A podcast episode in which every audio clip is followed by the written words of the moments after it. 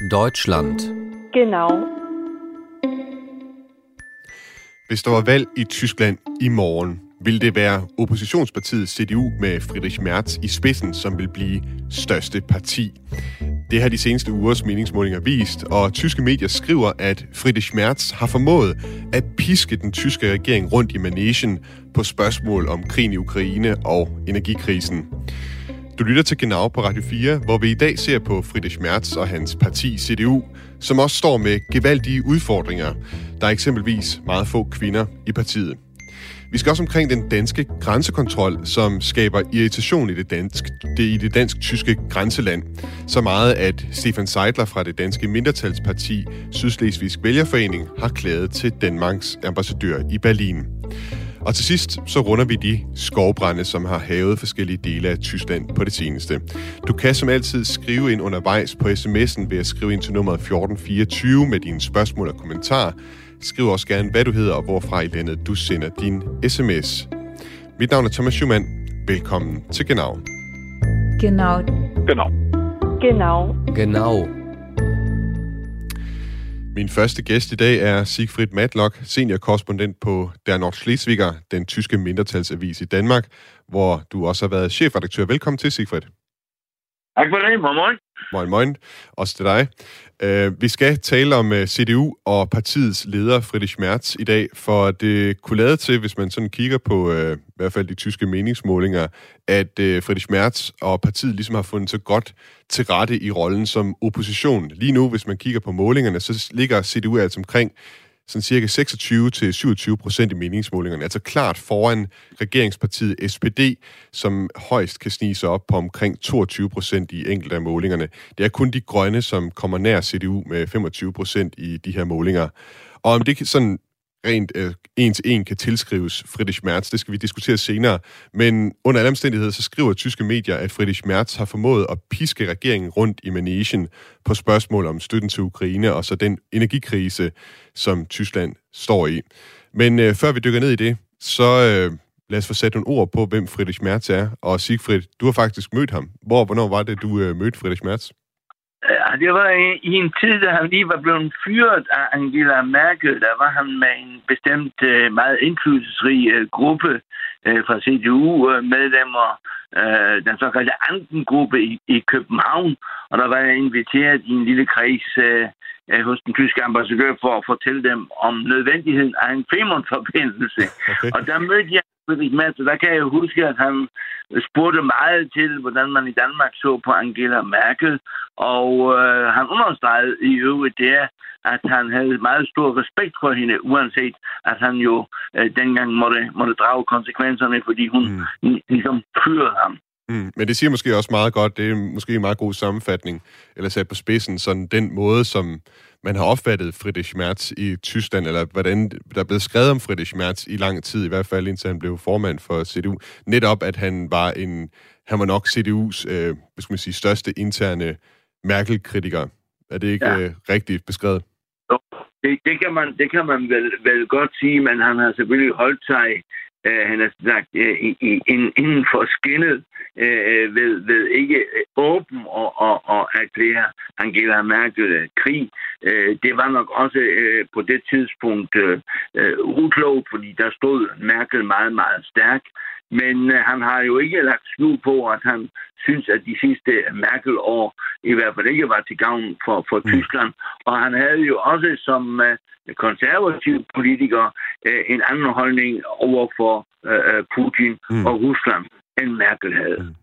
Vi kan komme mere ind på sådan hele det opgør, der også er internt i CDU med, med Angela Merkel. Men før vi gør det, så lad os lige se på nogle andre sider af, af Friedrich Merz. Ja. Øh, jeg læste en analyse på øh, ARD's hjemmeside, altså den tyske hoved, hovedkanal ARD, og der skrev journalist øh, Sabine Henkel i en analyse af Mertz, at han kan lide at provokere, at han virker autentisk, men samtidig så formår han også at kunne ændre holdning.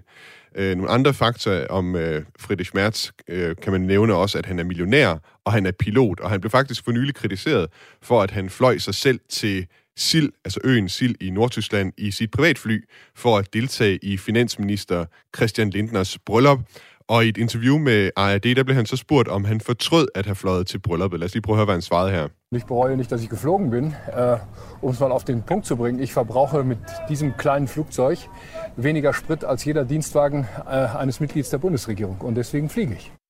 Ja, han siger altså i klippet her, jeg fortryder ikke, at jeg fløj, og for at gøre det helt klart, så bruger jeg mindre benzin med mit lille fly, end med en af de tjenestevogne, vogne, som regeringen bruger, og derfor flyver jeg, var altså Friedrich Mertes øh, svar på, om han øh, fortrød, at han var fløjet til Christian Lindners øh, bryllup. Sigfrid Matlock, hvad siger det om Friedrich Merz, at han altså ikke, øh, han altså ikke går ud og undskylder for sådan noget her? Ja, den, den, den holder jo ikke det der med, med spritforbrug, har jeg næsten sagt. Men, men lad det nu ligge. Øh, øh, Mads er en, er en mand, der har øh, øh klare holdninger. Han kan provokere, øh, provokere både indadtil og udadtil. Øh, han har kant, og øh, det er jo det, som mange har savnet efter den der øh, meget øh, milde, øh, midtersøgende øh, Merkel-kurs, at der ligesom også var øh, øh en, en, en, en klar CDU, øh, øh, et klart CDU-profil, og, og det må man sige, har han givet i, i hvert fald som modspiller, som oppositionsfører, som modspiller til Olaf Scholz i, i, i forbundsdagen, øh, der virker han stærk, ikke altid øh, lige godt, men, men han er en retoriker i modsætning til, til Scholz, som jo er en non-kommunikator, kan man sige. Så han har mange, mange fordele, men han er stadigvæk omstridt. Det er der ingen tvivl om. Også på, på, på baggrund af, hvor han kommer fra. Han var jo øh, en overgang, ind, indtil han blev øh, ny CDU-formand, var han formand for en, en øh, formuefond, verdens største formuefond, i hvert fald en af de datterselskaber i Tyskland, BlackRock. Mm. Øh, det har givet ham en, en, en meget, meget dårlig uh, image. Og som sagt, uh, da han blev valgt, uh, der så jeg i, i en dansk avis en, en, en, uh, en, en, den nyhed, at man skrev, nu var der en højre ekstremist, der var blevet uh, ny formand for CDU. Det er jo helt, helt hen i vejret, fordi han har jo han nok uh, en, en klart konservativ uh, profil, men han har ikke forladt midterkursen, og han er jo også i, i den måde, han fører opposition, den er hård, øh, den er til tider meget hård, øh, især over for, for forbundskansleren øh, i, i Ukraine-konflikten, men han er også en, som, som har taget ansvar på, på sig, altså eksempelvis i forbindelse med Zeitenwende, den kunne Scholz og, og regeringen desværre ikke have gennemført, uden mm. CDU's øh, øh, støtte til en forfatningsændring. Så, så øh, Matt er både det ene og det andet, men, og, og det er selvfølgelig ikke Mertens fortjeneste øh, rigtig alene, at, at CDU nu ligger langt foran øh, SPD igen. Øh, øh, det øh, skyldes også de interne vanskeligheder, der er i, i, i den øh, nuværende regering.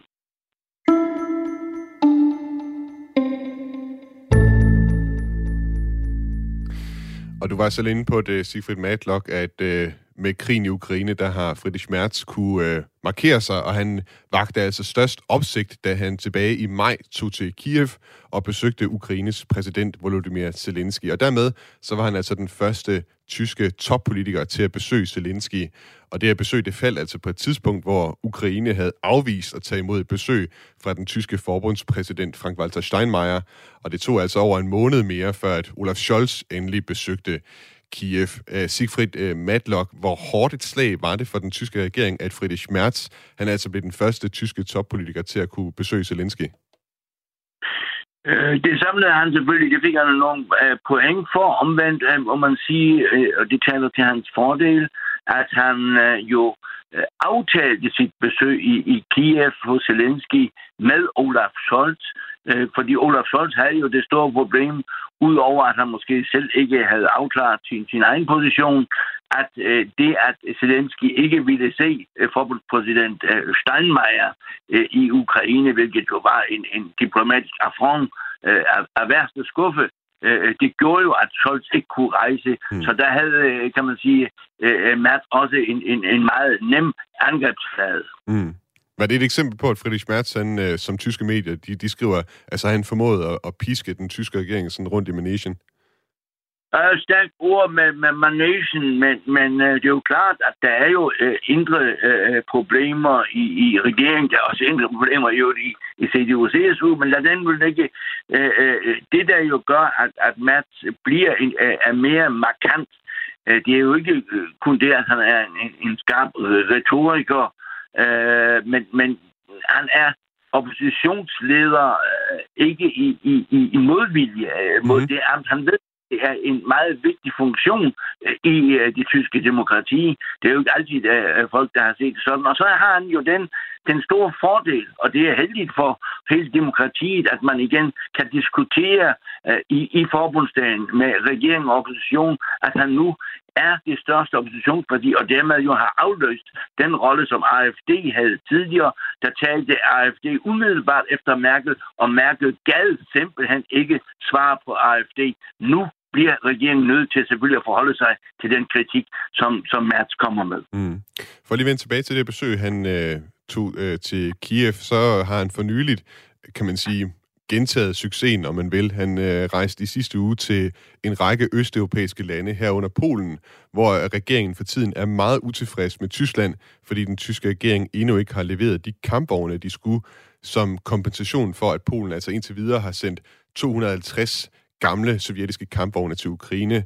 Altså den aftale, ja. som også går under navnet Ringtausch, hvor et Tyskland ligesom kompenserer for, at Østlandene de kan sende de her våben til Ukraine.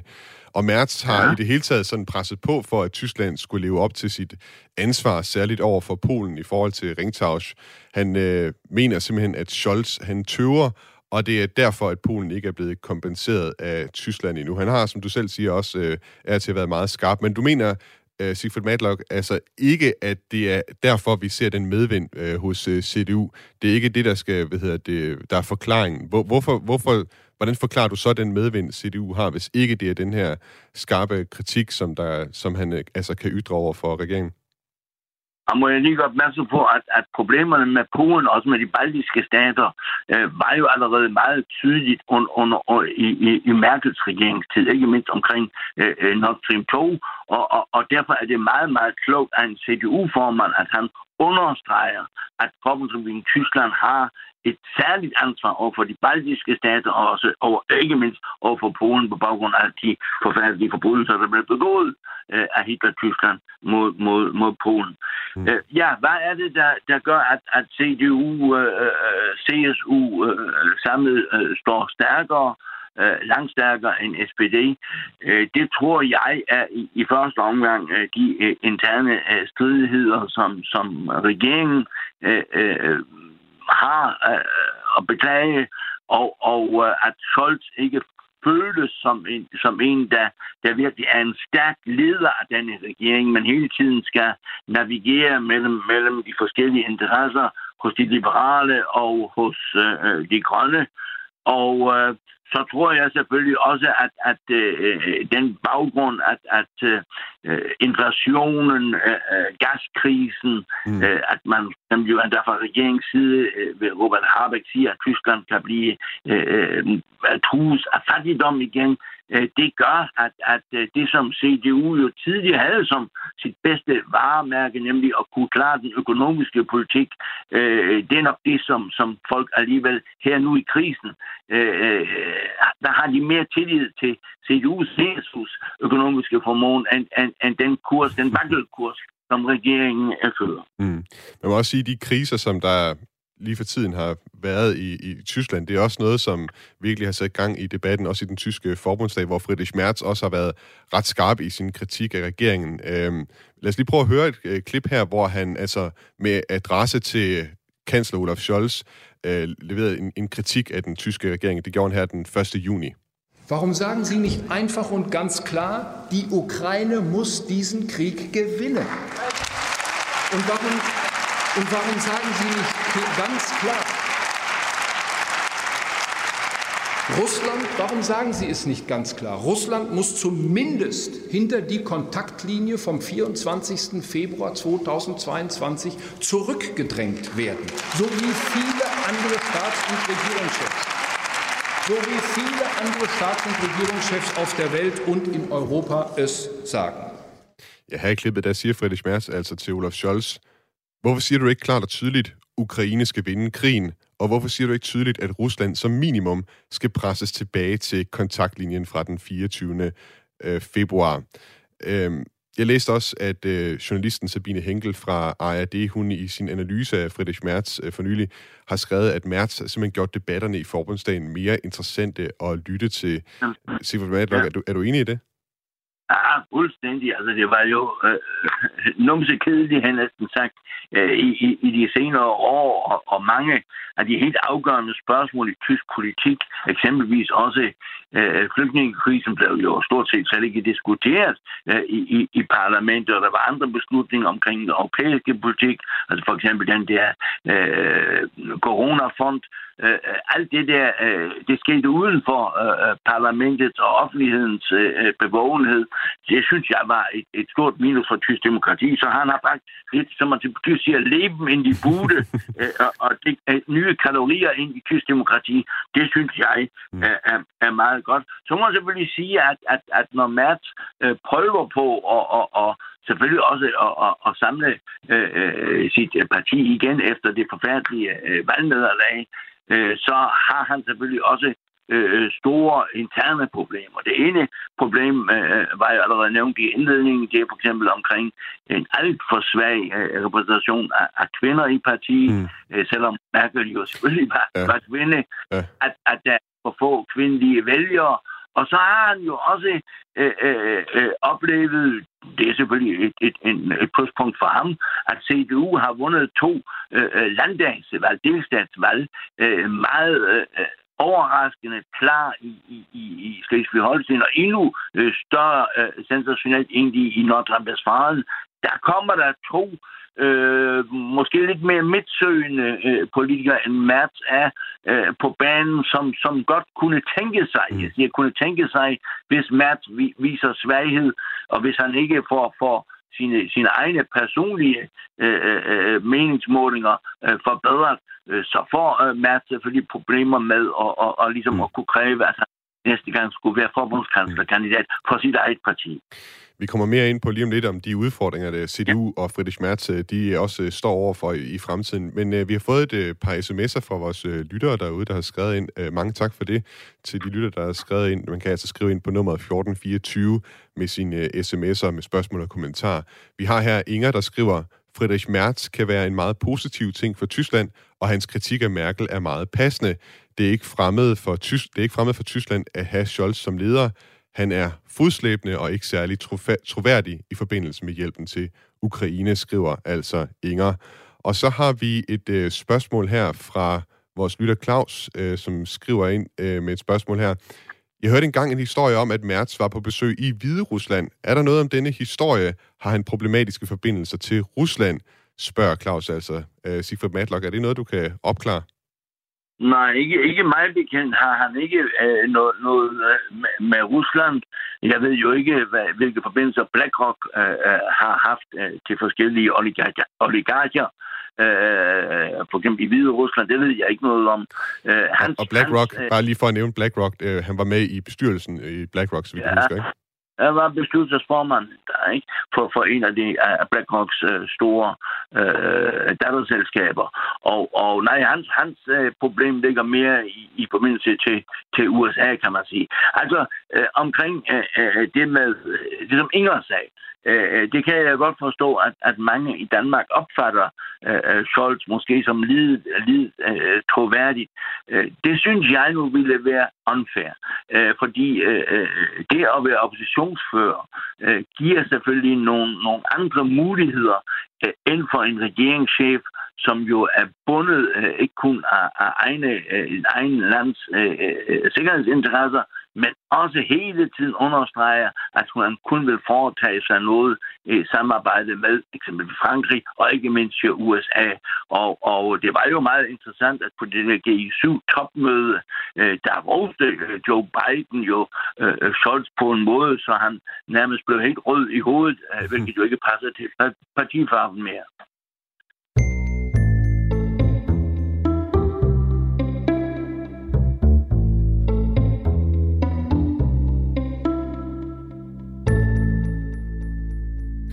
Kan jo virke som om, at alting er meget godt for CDU, når det er, at de har medvind i meningsmålingerne, men CDU har faktisk haft rigtig svært ved at komme ud af Angela Merkels øh, skygge. Det er et øh, parti, som man måske kan sige har sejret af helvede til på grund af de øh, 16 år, som Merkel altså lykkedes med at holde partiet i regering. Øh, nyhedsmagasinet øh, Spiegel de brugte et meget godt ord til at beskrive øh, Friedrich Merz, øh, at han skulle være Angela Merkels nach, nach, nachfolger. Altså efter, efter, efterfølgere. For mig at se, så siger ja. det noget om uh, den urolighed, der i lang tid har været om formandsposten uh, i CDU, og at partiet altså på fire år har haft fire forskellige formand, altså Angela Merkel, som fratrådte posten tilbage i 2018, derefter Annegret Kramp-Karrenbauer, som måtte gå af i 2021, og så Armin Laschet, som i høj grad har fået skylden for CDU's dårlige valgresultat ved forbundsdagsvalget, og så altså nu uh, Friedrich Merz. Øh, faktisk så forsøgt Friedrich Merz i alle tre omgange at blive formand ved alle de her tre formandsvalg. Øh, Sigfrid Matlock, er der noget, der tyder på, at øh, CDU nu er, altså at der er kommet mere ro på i CDU, nu hvor Friedrich Merz er blevet formand? Altså, man skal lige huske, at, at de tre forsøg, som du nævner, hvor, hvor, hvor Merz prøvede på at, at blive øh, Merkels efterfølger, øh, de øh, lå jo også begrundet i, at han havde øh, en stor støtte i, i, i CDU's og, og i, i det tyske vælgerkorps. Altså, øh, de har jo altid øh, ønsket ham som, som, som spidskandidat. Hvis de ikke kunne få Bayerns ministerpræsident Søder, så var det, så var det Merz. Og, og øh, derfor er det jo, at Merz så bagefter så overbevisende blev valgt til, til, til øh, øh Merkels seneste efterfølger. Øh, det, var jo, det var jo også en, et, et, et nederlag eller Merkel, som jo sidenhen, han næsten ikke engang har rakt ham hånden, eller vil være i, i samme stue med ham, mm. hvilket jo også, synes jeg, er, mm. er, er lidt pinligt for, for den tidligere forbundskansler, mm. for hun har jo også meget at takke CDU-CSU for. Du var selv inde på det, og det var også en ting, jeg vil tale med dig om, og vi har også en lytter faktisk her, som har reageret på det. Det er det her med den udfordring, CDU de står med i forhold til kvinder. Øh, der var en øh, lytter, som skrev ind, er der ikke flest kvindelige vælgere i Tyskland, og hvordan er det skidt for ligestilling, at kvinder stemmer på mænd? Underligt syn på demokrati, er der altså en lytter, der skriver ind her. Det var fordi, vi var inde på, at øh, CDU, de har altså øh, en lille udfordring i forhold til kvinder. Øh, du var kort inde på det, Sifra Madlak, men jeg ved, om du kan fortælle lidt mere om det. Hvad er det for et problem, CDU de står med i, i den forbindelse? Altså CDU's udfordringen er, er, er på kvindefronten den, at man jo ønsker flere øh, kvinder i, i, i partiet som, som forbundsstatsmedlemmer, også i partiets øh, ledelse. Og øh, der har man nu øh, øh, jo haft øh, nogle forslag liggende, for eksempel fra ungdomsorganisationen, om at man skal have en, en kvindekvote indført, en fast kvindekvote, men, men der, har, der, der er Mertz øh, gået imod øh, og har sagt, jamen jeg går kun ind for en, en, en sådan forløbig kvote de første fem år, og, og så lad os lige se, hvordan udviklingen bliver. Hans problem er jo ikke kun, at han øh, indtil nu, eller CDU, øh, i hvert fald ved sidste valg, har tabt så mange kvindelige vælgere. Hans problem er også mm-hmm. et helt andet, så det er jo ikke noget med, med kønnene at gøre, at man i CDU i virkeligheden ikke ved, hvor mange medlemmer man har, okay. øh, og hvordan de er sammensat, fordi tysk så digital håbløs, ikke engang øh, kan, kan levere en, en opgørelse over, over øh, CDU's øh, partimedlemmer i de forskellige kredse. Så, så det er en meget, meget stor organisatorisk opgave, han står med. Udover det med kvinderne, så er det selvfølgelig også det, som jo også øh, kræver svar fra, fra CDU, fordi de jo har øh, flere ministerpræsidenter. Hvordan forholder vi os øh, til måske en ny øh, coronabølge?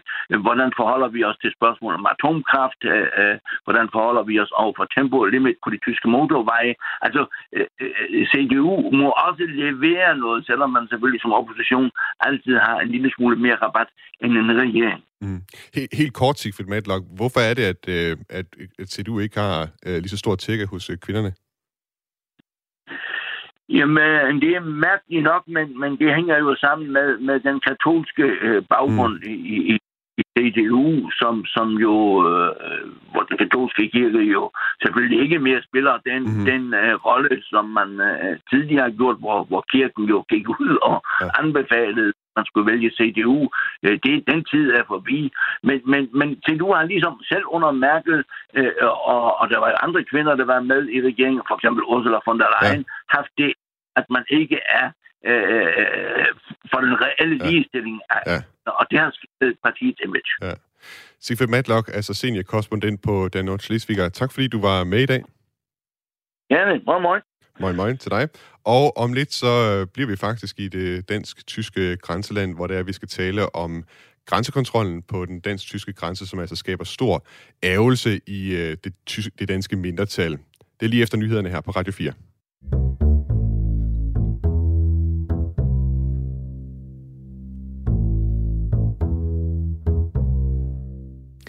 Over de seneste uger har der flere gange været lange køer ved den dansk-tyske grænse på grund af den danske grænsekontrol.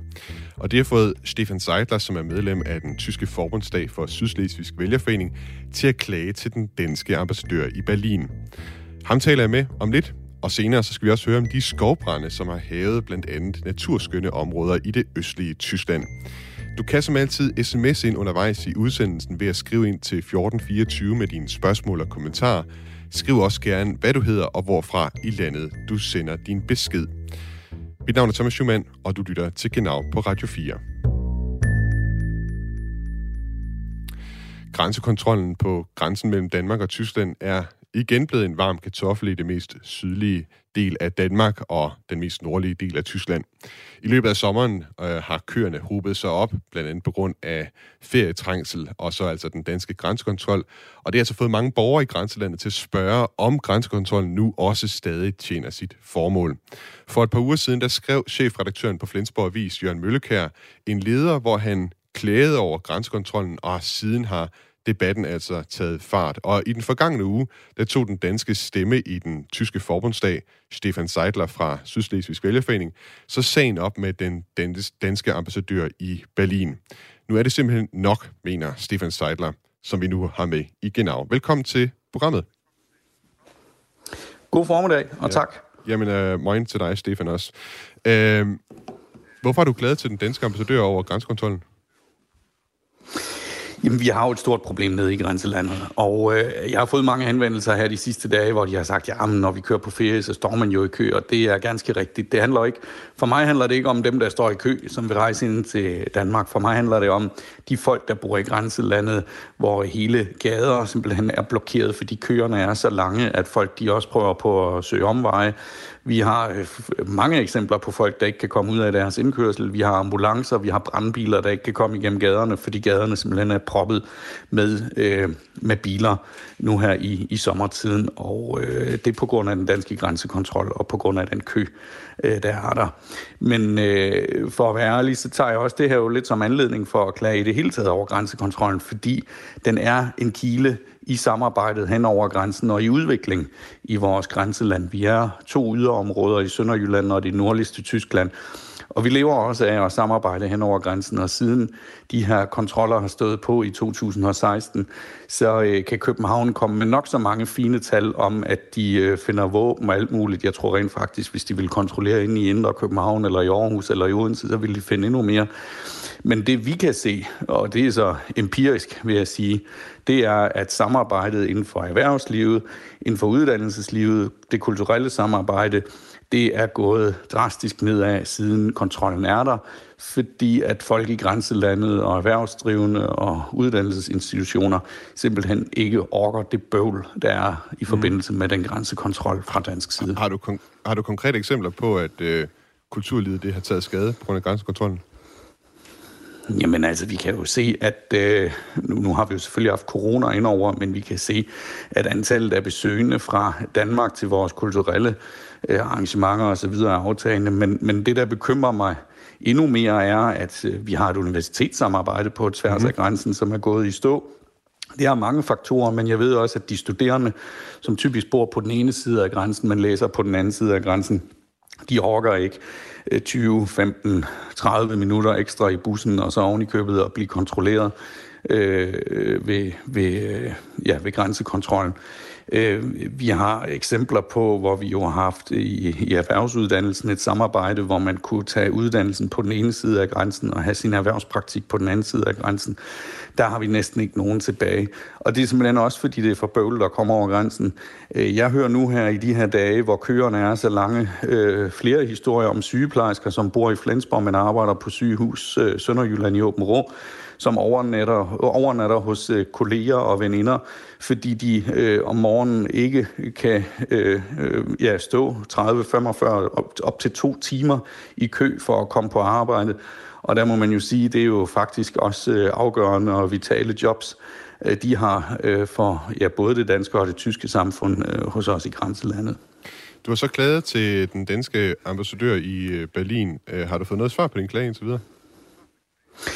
Altså, jeg vil være færre at sige, at jeg har sendt klagen afsted i fredags, øh, og det har så ovenikøbet også været i, i, i min ferietid, og det gør jeg jo selvfølgelig gerne, fordi det her er et akut problem, og jeg ved, at ambassadøren også først er kommet tilbage fra ferie i den her uge, så øh, det skal også være rimeligt, hun skal have en chance for at svare på det. Men jeg er ret sikker på, at hun har sendt det videre til, øh, til København, til de ansvarlige ministerier, og jeg satser på at, at få et svar inden længe. Hvad, hvad håber du på, der kommer til at stå i det svar? Jamen, nu kender jeg jo det politiske arbejde, så der skal nok komme en eller anden, øh, eller andet langt forkromet svar fra, øh, fra den danske regering, og der skal nok komme et eller andet svar omkring, om vi har en terrortrussel i øjeblikket i Danmark, og derfor skal vi have en grænsekontrol. Men helt ærligt, jeg sidder i indenrigsudvalget i den tyske forbundsdag, og det er jo lige præcis der, hvor vi også bag lukkede døre drøfter den aktuelle situation omkring terror og hvad der måtte være. Så jeg har rimelig godt overblik over, hvordan situationen er i Europa. Og øh, hver gang grænsekontrollen fra dansk side forlænges, så er der altid en ny grund.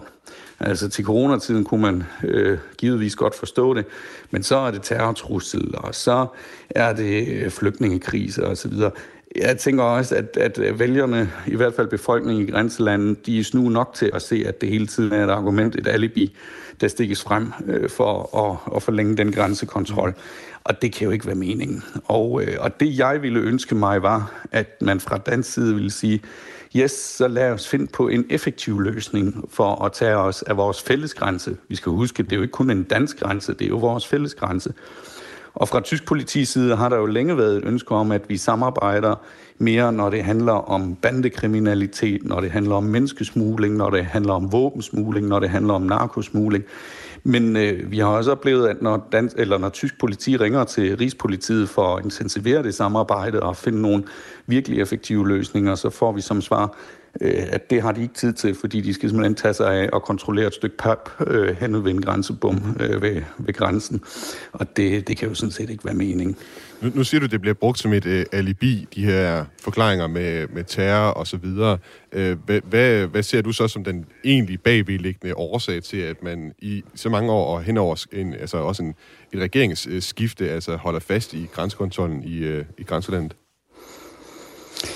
Jamen, vi har jo også fra tysk side lagt mærke til, at der i dansk politik har været et øh, krav fra visse politiske fløje om, at man skulle gennemføre grænsekontrollen. Og, øhm, og, og, og det er man så fra ja, nu forskellige regeringssider kommet øh, i møde med og har øh, videreført og har indført. Men hvis du spørger mig som grænselandsbeboer, som også har familie og, og bosted faktisk på den anden side af grænsen, så kan jeg ikke se andet i det her end ren og skær symbolpolitik. For os, der bor i grænselandet, er det her en, en pinsel. Det er uudholdeligt øh, med grænsekontrollen, og det ødelægger vores hverdag hen over grænsen. Mm. Så dem, der bor nede i grænselandet, de får intet ud af det her, og slet ikke sikkerhed. Tværtimod, når jeg kører med mine to piger hen over grænsen, og der kigger en grumsk øh, betjent ind i min bil, så føler vi os sgu ikke mere sikkert. Tværtimod, øh, det skaber faktisk mere frygt og, og utryghed når man hele tiden skal kontrolleres, i stedet for at være sikker på, at der bag linjerne er et samarbejde, der fungerer og sørger for, at øh, alle de ting, vi heller ikke vil have i grænselandet, de bliver holdt ude i det politiet øh, samarbejder effektivt og ikke finder på sådan nogle gammeldags øh, metoder som grænsekontrol, efter min mening er. Vi har fået øh, et par sms'er fra vores øh, lyttere derude, øh, blandt andet øh, Claus fra Rødovre, som skriver ind, jeg synes, at grænsekontrol er fantastisk og burde indføres ved samtlige grænser i hele EU. Og så har vi en sms her fra Tommy, som skriver, hvis Tyskland tager sig sammen, næste gang flygtningen går på motorvejen, ser vi det gerne på, om vi stadig har brug for kontrol, skriver Tommy altså. Hvad siger du til, til de to sms'er? Altså for så vidt er jeg jo enig i, at hvis EU ydergrænserne kunne styrkes, så vil vi også øh, kunne opleve et mere øh, sikkert Europa. Og så sandelig bruger vi jo også grænsekontrol som et midlertidigt øh, instrument i Tyskland. Altså vi kontrollerer også op til grænsen øh, mod Østrig i nyerne, men ikke permanent. Og det, som den danske regering har indført siden 2016, det er, selvom de kalder det en midlertidig grænsekontrol, det er en permanent grænsekontrol. Da vi i coronatider havde brug for at kontrollere yderligere, hvordan smitteudbredningen var, øh, der synes jeg også, at grænsekontrollen øh, helt bestemt var på plads og, og gav god mening øh, i de perioder, hvor, hvor, hvor det var på sit højeste. Men som en permanent løsning dur det ikke, fordi vi har simpelthen instrumenter, og vi har et politisamarbejde, der kunne fungere meget, meget bedre hvis man ville give lov og plads og ressourcer øh, til den form for kontrol, i stedet for øh, gammeldags grænsekontrol. Nu, øh, jeg har selv øh, arbejdet nede i grænselandet på Flensborg Avis, og kan også øh, huske den debat, der har været tidligere om øh, grænsekontrollen. Og af til, så har man jo hørt også fra tyske politikere, de er også ude at kritisere øh, Danmark. Der er omvendt også andre tyske politikere, som øh, mener, at grænsekontrol kan være, kan være en god idé. Øh, men hvad er din opfattelse? Du, du har jo din daglige gang nede i uh, forbundsdagen i uh, Berlin. Er det her stadig noget, som ligger tyske politikere på sinde? Er det noget, som påvirker uh, tyske politikers uh, blik på, på Danmark, at der findes den her grænsekontrol? Altså, det gør det helt bestemt. Og jeg vil sige, at øhm, da grænsekontrollen i sin tid blev indført, og de regler, der også blev indført i forbindelse med øh, flygtninge og og, øh, og øh, og dem, der kommer over grænsen, altså smykkeloven og alle de der ting, der, der, der har poppet op dengang. Og selve etableringen af, af det der vildsvinhegn, vi har langs grænsen, øh, hvor jeg i øvrigt også ville ønske mig en vurdering af, om vi stadigvæk har den der sygdomstrussel med de der vildsviner, om det der hegn, som i øvrigt også hed sig skulle være midlertidigt, stadigvæk er nødvendigt jamen der har det været med til at ødelægge øh, et billede af Danmark, som jo i, i Tyskland bliver opfattet som et liberalt og moderne samfund, som også finder frem til moderne løsninger i stedet for øh, gammeldags løsninger, som, som hører til i fordomstid. Øhm, de politikere, som, som råber højst i Tyskland øh, efter grænsekontrol, øh, det, er, det er dem på den yderste højrefløj. Og øhm, ja, det må så være et fænomen i Europa, at den yderste højrefløj synes, at sådan nogle gammeldags metoder øh, er, er bedre, men efter min mening skaber de kun falsk mm. tryghed og er ren og skær symbolisk politik over for deres øh, vælgerskar. Du får lige en øh, sidste sms her, som vi har fået fra Inger, der skriver ind, som sønderjyde kører jeg ofte over grænsen. Jeg oplever sandelig ikke, at der dagligt er lange køer ved grænsen. Har man tænkt lidt over trusselsniveauet, som Danmark befinder sig i, selvom jeg bor på Frederiksberg, er jeg meget ofte i Sønderjylland og ved med sikkerhed, at mange sønderjyder er tilfredse med grænsekontrollen, skriver øh, Inger altså ind. Øh, Stefan Seidler, er det bare øh, jeg i Sydslesvigs Vælgerforening, der er utilfreds med grænsekontrollen her, mens at andre, for eksempel sønderjyderne, de, øh, de egentlig godt kan leve med det? Altså, nu kender jeg også en del sønderjyder, der også har svært ved at komme frem og tilbage på arbejde og over grænsen, og som øh, måske overvejer to gange, om de skal tage vejen over grænsen for at handle øh, på den anden side af byen, eller, eller at tage til, øh, øh, til deres uddannelse. Øhm, så igen vil jeg holde fast i, at øh, det kan godt være, at når man sidder i København eller på, på Frederiksberg, at man synes, det er en god idé med den grænsekontrol, men hverdagen i vores grænseland ødelægges af den her kontrol. Og øh, jeg holder helt afgjort fast i det, jeg er simpelthen overbevist om, at hvis politiet ville samarbejde hen over grænsen, og tysk politi, altså vi kender jo vi kender vores folk, vi kender vores trusler her, og hvis vi ringer til Rigspolitiet og siger, prøv at høre her, der er nogen på vej til Danmark, som øh, I ikke bryder jer om, prøv at stå klar ved grænsen, eller, eller måske også en smule længere op i landet, så vil det være væsentligt mere effektivt og ikke til gene for den befolkning, der er nede i grænselandet. Vi snakker med, med når vi kigger på, på, på Syddanmark, og når vi kigger på Slesvig-Holsten, så bor der altså 600.000 mennesker, det er også en chat mm. mennesker, og det er dem, der er påvirket til dagligt af det her. Vi kan se på pendlertallene, at mm. de er gået tilbage hvor vi før var omkring 18-14.000 pendlere, jamen så er vi nu ved at være nede omkring de 10.000 pendlere.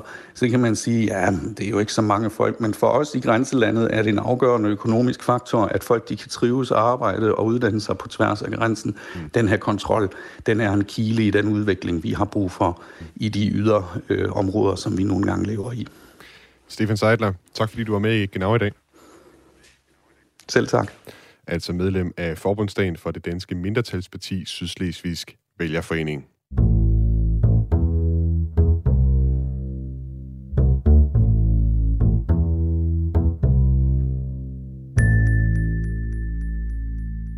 Sidste år var det områder i det vestlige Tyskland, som blev havet af oversvømmelser og masse mennesker, der døde og lokalsamfund, der blev ødelagt.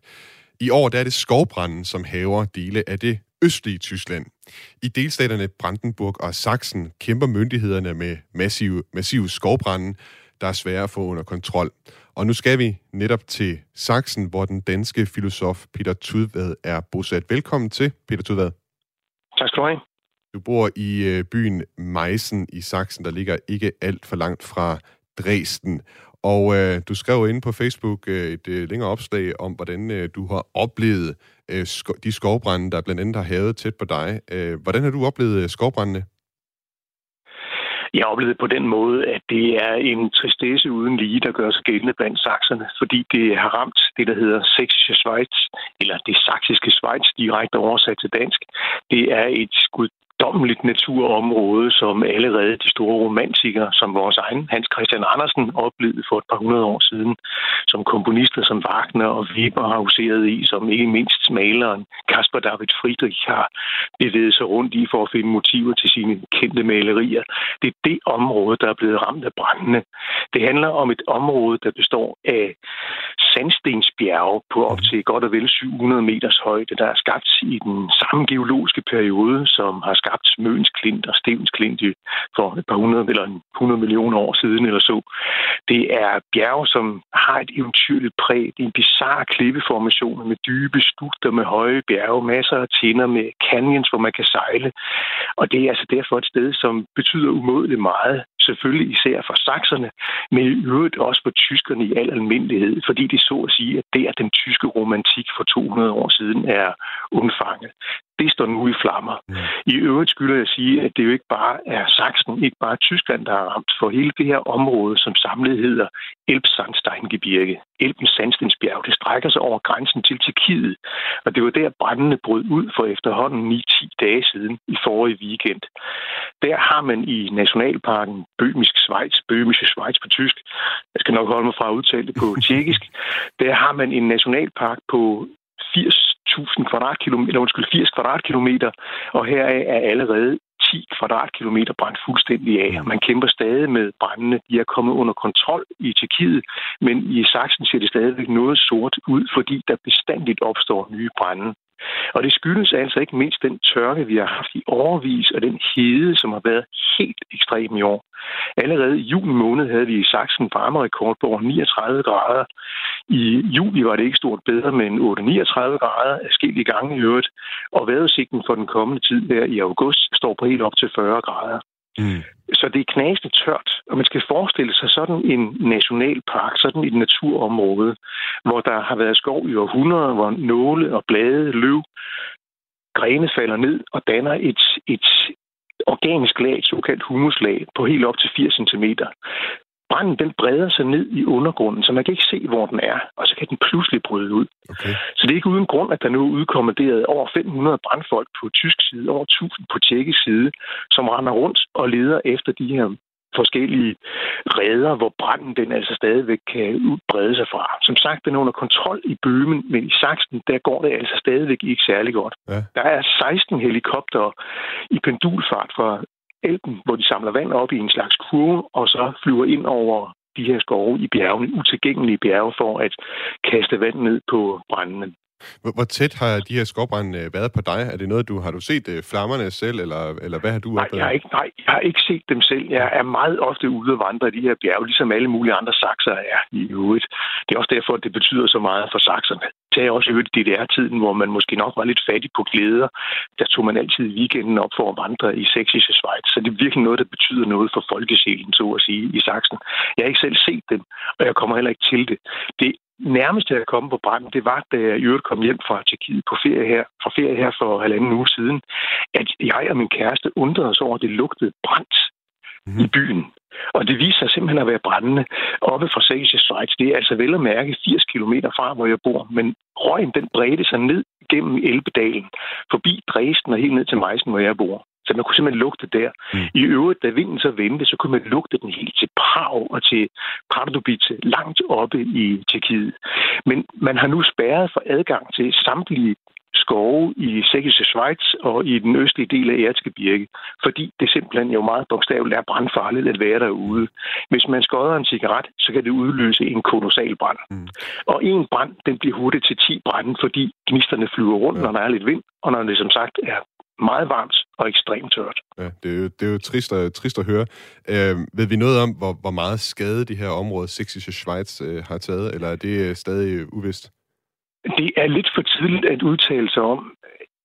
På den bømiske side, på den tjekkiske side, er det en 8. del af, af nationalparken, der er brændt af. Mm. Hvor meget det er på saksisk side, det kan man dårligt sige endnu, fordi indsatsen stadigvæk pågår. Man regner ikke med, at det er noget, der tager dage, det er noget, der tager uger, før man har under fuldstændig kontrol.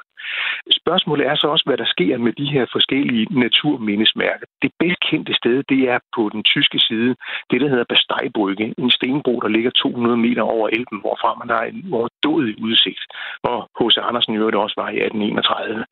Der kommer utallige turister. Det er et highlight.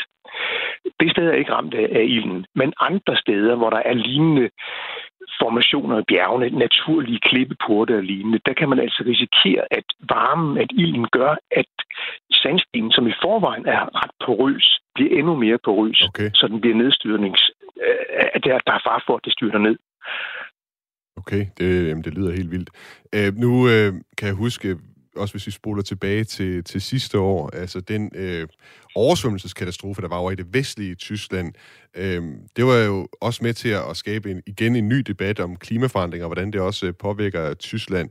Jeg går næsten ud fra, at det også må være noget, man taler om i, øh, i Sachsen, at øh, det, det bliver kædet sammen med klimaforandringer, eller hvordan forholder det sig? Det bliver absolut kædet sammen med menneskeskabte klimaforandringer. Det er der ingen, der er i tvivl om længere. Det er måske et problem, der er lidt større i Sachsen, fordi man er meget afhængig af brunkulsudvinding. Og den tyske forbundsregering har besluttet, at man skal udfase brunkulsudvindingen frem til 2035. Det er et problem for Sachsen, både af hensyn til energiforsyning og af hensyn til de mange arbejdspladser, der er forbundet med de her brunkulsværker. Men nu ser man jo altså meget demonstrativt, så at sige, hvilke følger klimaforandringerne får. Så jeg er spændt på at se, hvordan debatten den kommer til at forløbe efter denne her gigantiske brand. Mm. Og igen, jeg, jeg kan ikke understrege nok, hvor stor denne her brand er. Jeg ved ikke, hvor meget man ser til det i danske medier, men den er et kolossalt omfang. Man har aldrig nogensinde oplevet en brand af det omfang i Sächsische Schweiz. Man har før talt om 1842 med den store brand. Den her er flere gange større. Mm. Det er enorme områder, der er ramt, og det kommer til at koste hundreder af millioner euro. Mm-hmm.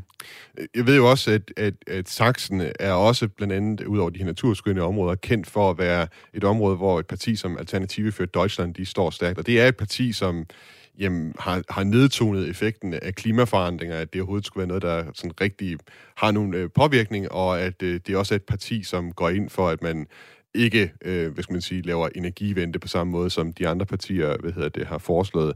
Øh, er der her en, en, en, hvad skal man sige, en diskrepans i forhold til, hvordan, altså selvom AFD de står øh, stærkt i, i et, øh, en delstat som Sachsen, er der så alligevel en diskrepans mellem, eller er der måske en, en, en ændring i folks opfattelse af klimaforandringerne? Det er for tidligt at sige noget om endnu. For mig at se, tager det så sådan ud, at AFD-folkene har været påfaldende tavse under denne her brand. Hvad der kommer til at ske sidenhen, det må tiden vise. Men de har et forklaringsproblem, kan man sige. Vi får en kæmpestor brand, som også, så at sige, rammer dem i hjertekuglen, fordi de er jo romantikere par excellence. De taler også meget om naturen, der skal beskyttes små landsbysamfund, og her har vi set landsbysamfund være truet op i bjergene af ilden. I Sachsen er det ikke gået så hårdt for sig som på den bøhmiske side, hvor en lille by, Messner, blev stort set udryddet. Den er ikke særlig stor, men altså, det var nok til, at det meste af byen brændte. Mm-hmm. Så jeg er spændt på at se, hvordan AFD reagerer på det her i Sachsen. Kan de virkelig blive ved med at forklare disse her klimaforandringer med fuldstændig naturlige årsager? Eller vil de nu erkende, at der må gøres noget for at hindre gentagelser af, denne her, af det her omfang? Vi har fået en sms fra en af vores lyttere, der skriver ind, at øh, skovbrændene er stigende af flere grunde, blandt andet ønsket om mere diversitet, hvor man ikke længere rydder skovbunden for løv, og man fjerner ikke længere væltede træer og laver færre brændstier. Øh, Peter Tudvad, nu er du selvfølgelig ikke øh, ekspert i, i skove og så videre, men jeg ved ikke, altså du var selv inde på, hvordan brændende her også er, hvad skal man sige, øh, med til, de bliver spredt også i, i undergrunden her, i, i, øh, eller under det her øh, løv øh, i, i skovene. Øh, om du øh, jeg har en kommentar øh, til det her? Ja, bestemt. Først og fremmest så er skovene i Sengse Schweiz eller i hele Elmsejsbankevirke meget sårbare, fordi man fra menneskelig hånd har valgt forst i forsvæsenet at lave en monokultur. Man har brugt især fyretræer og græntræer, fordi det er sådan et godt træ, man kan udnytte. Men grundet denne her monokultur er den altså meget sårbar, ikke bare over for brand, men også over for borkenkæfer, barkbiller, som ja. har angrebet kolossale områder på, begge, områder på begge sider af grænsen. Ja. Så vælter disse her, disse her mm. træer. Og så er princippet, indtil videre i hvert fald, at man ja. lærer naturen passe sig selv. På den måde opstår der en helt ny biodiversitet. Der kommer en blandingsskov i stedet for. Mm. Men dermed opstår selvfølgelig også det problem, som lytteren har, har berørt her, ja. nemlig at der ligger et brandbart lag. Ja. Under normale omstændigheder, så vil det her lag faktisk bidrage til at hindre en brand udbreder sig, ja, fordi Peter det er fugtigt. Jeg bliver desværre nødt til at afbryde dig her, fordi vi er ved at nærme os inde på udsendelsen. Men tak, fordi du var med i, i dag i Genau. Velbekomme altså filosof bosat i Meissen i Sachsen. Og tak til alle lytterne, der har lyttet med i øh, udsendelsen i dag og skrevet sms ind. Du kan altid skrive til mig på genau radio4.dk. Tak fordi du lyttede med. Auf Wiederhören.